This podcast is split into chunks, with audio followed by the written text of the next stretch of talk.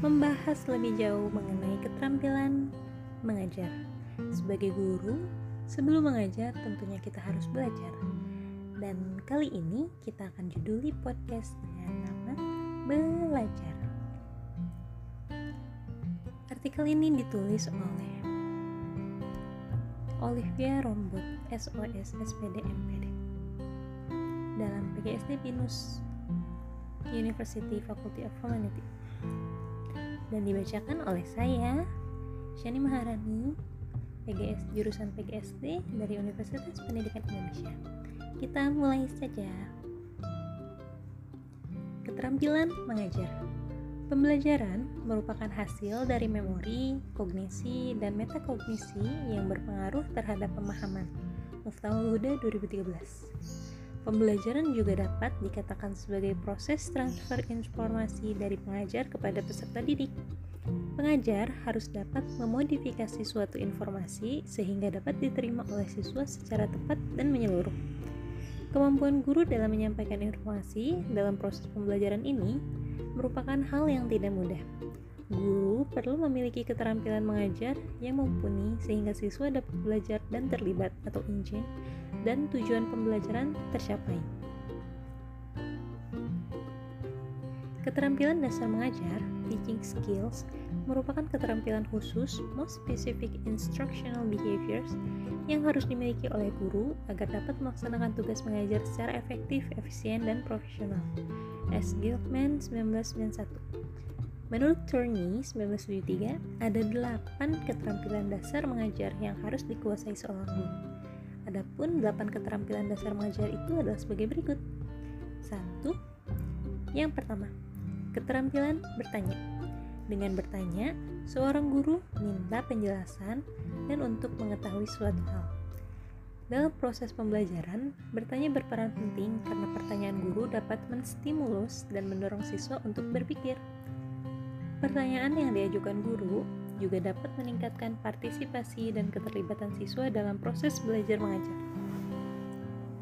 Oleh karena itu, guru wajib dan melatih keterampilan bertanya pada pembelajaran untuk meningkatkan HOTS, Higher Order Thinking Skills. Siswa pertanyaan yang diberikan harus mendalam mendorong siswa menemukan alasan dan melahirkan gagasan-gagasan kreatif dan alternatif lewat imajinasi siswa. Guru perlu menghindari kebiasaan seperti menjawab pertanyaan sendiri, mengulang jawaban siswa, mengulang pertanyaan yang sama, mengajukan pertanyaan dengan jawaban serentak, menentukan siswa yang harus menjawab sebelum bertanya, dan mengajukan pertanyaan ganda. Guru perlu memahami tujuan pertanyaan seperti menimbulkan rasa ingin tahu, menstimulan fungsi berpikir, mengembangkan keterampilan berpikir, memfokuskan perhatian siswa, mendiagnosis kesulitan belajar siswa, dan mengkomunikasikan harapan yang diinginkan oleh guru dari siswa. Yang kedua, keterampilan memberikan penguatan. Pada jenjang pendidikan dasar, memberikan penguatan harus dilakukan sesering mungkin Penguatan atau reinforcement adalah segala bentuk respon, baik bersifat verbal maupun non-verbal. Penguatan bertujuan untuk memberikan umpan balik, feedback kepada siswa atas perbuatannya sebagai dorongan atau koreksi. Penguatan terbagi atas penguatan positif dan penguatan negatif. Penguatan positif bertujuan untuk mempertahankan dan memelihara perilaku positif siswa, sedangkan penguatan negatif penguatan untuk menghentikan atau menurunkan perilaku siswa yang tidak menyenangkan. Penguatan positif untuk siswa SD seperti memberikan pujian, penghargaan, dan persetujuan atas perilakunya. Seringkali, penguatan juga dapat ditunjukkan dari ekspresi guru. Mengajukan, mengacungkan jempol, tersenyum, penguatan dengan sentuhan seperti mengusap kepala, menepuk pundak, atau melakukan tos. Penguatan yang diberikan secara konsisten dapat menimbulkan motivasi siswa untuk belajar dengan giat. Yang ketiga, keterampilan membuat variasi stimulus. Variasi dalam konteks belajar mengajar merujuk pada tindakan guru yang disengaja atau secara spontan dengan tujuan untuk mengikat perhatian siswa selama pembelajaran berlangsung.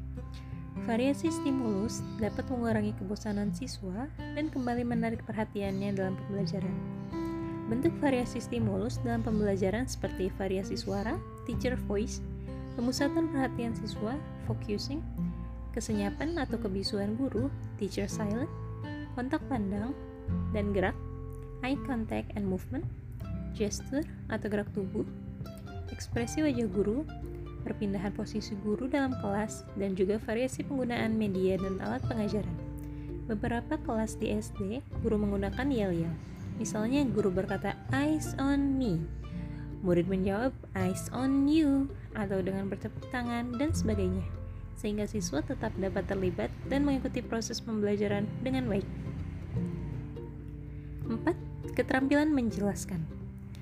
Keterampilan menjelaskan adalah suatu keterampilan menyajikan informasi yang terorganisir secara sistematis sebagai kesatuan yang berarti sehingga peserta didik dapat memahami dengan mudah. Guru perlu memahami prinsip-prinsip menjelaskan seperti penjelasan harus sesuai dengan karakteristik peserta, peserta didik. Penjelasan harus diselingi dengan tanya jawab dan tetap memperhatikan tujuan pembelajaran dan penjelasan harus disertai dengan contoh yang konkret, dihubungkan dengan kehidupan sehari-hari dan bermakna. Aspek-aspek dalam menjelaskan materi pembelajaran seperti bahasa yang dipilih harus sederhana, terang, dan jelas.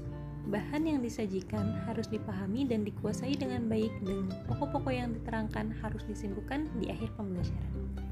Yang kelima, keterampilan membuka dan menutup pembelajaran.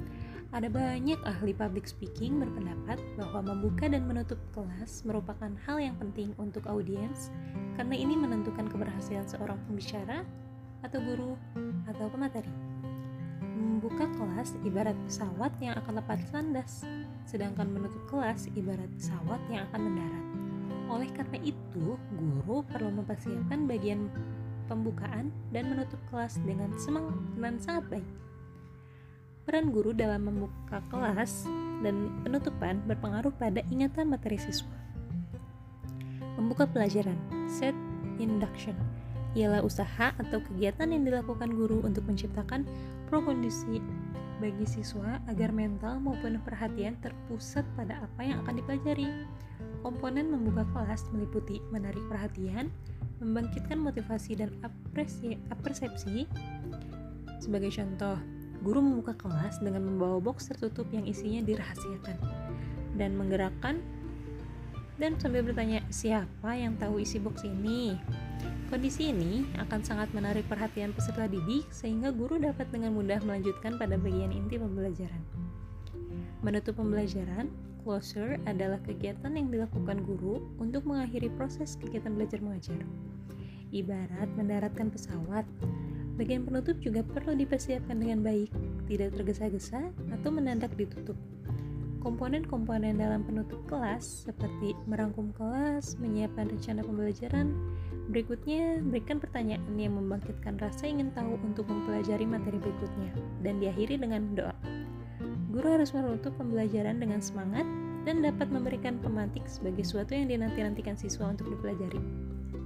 Sebagai contoh, menutup pembelajaran, guru memberikan pertanyaan, apa yang telah kalian pelajari hari ini? Lalu guru mempersilahkan beberapa murid untuk menjawab. Atau guru juga dapat memberikan kesimpulan di akhir. Lalu guru dapat bertanya, adakah yang pernah melihat hasil kerajinan tangan dari barang bekas? Tahukah kalian bahwa Indonesia masih menjadi negeri di urutan teratas yang memproduksi sampah plastik? Apakah hal ini benar? Minggu depan kita akan belajar bagaimana mengolah barang bekas menjadi barang berkelas. Seperti itu contohnya lalu berdoa dan kelas berakhir. Yang keenam, keterampilan membimbing diskusi kelompok kecil. Diskusi kelompok merupakan salah satu variasi kegiatan pembelajaran yang dapat digunakan dalam proses KBM. Diskusi yang berjalan baik dapat meningkatkan kreativitas dan keterampilan berpikir HOTS siswa. Diskusi merupakan strategi yang memungkinkan siswa menguasai suatu konsep atau memecahkan masalah melalui proses yang memberi kesempatan berpikir, berinteraksi sosial, serta berlatih bersikap positif pada perbedaan pendapat dan membangun kerjasama kelompok. Guru dapat mempersiapkan kelompok kecil diskusi yang terdiri atas 2 sampai 4 orang. Pembagian anggota kelompok terdiri atas siswa dengan kemampuan tinggi, sedang, dan rendah, atau mengelompokkan siswa berkemampuan tinggi dengan tinggi, rendah dengan rendah, dan sedang dengan sedang.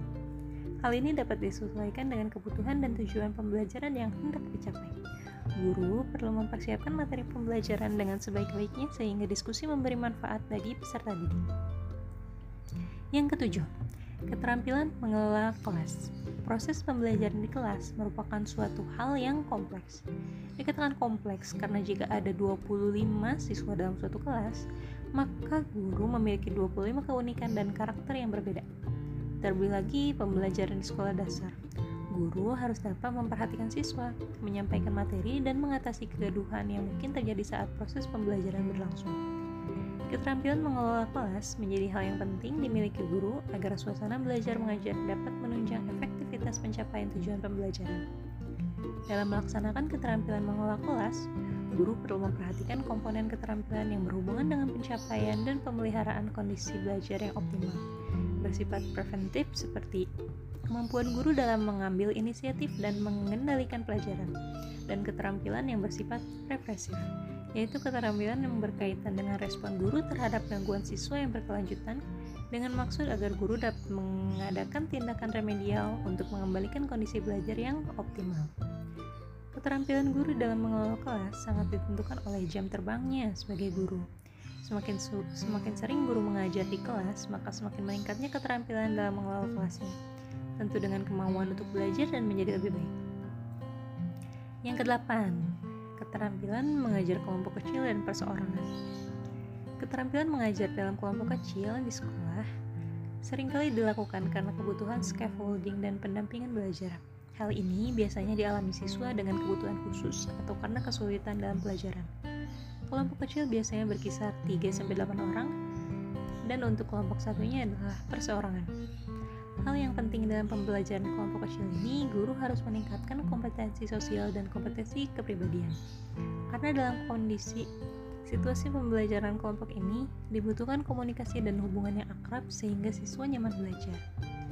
Nah, setelah memahami 8 keterampilan dasar mengajar di atas, guru perlu memilih keterampilan tersebut secara konsisten dan terbuka untuk mendapatkan saran dan kritik dari semua guru. Kepala sekolah juga dapat berperan untuk membantu guru mengembangkan 8 keterampilan mengajar tersebut dengan melakukan supervisi secara bertahap untuk melihat peningkatan keterampilan mengajar masing-masing guru. Selain 8 keterampilan dasar yang harus dilatih, guru juga perlu mengembangkan karakter baik karena sejatinya guru tidak hanya mengajar tapi juga mendidik melalui keteladanan dan karakter yang dilakukannya.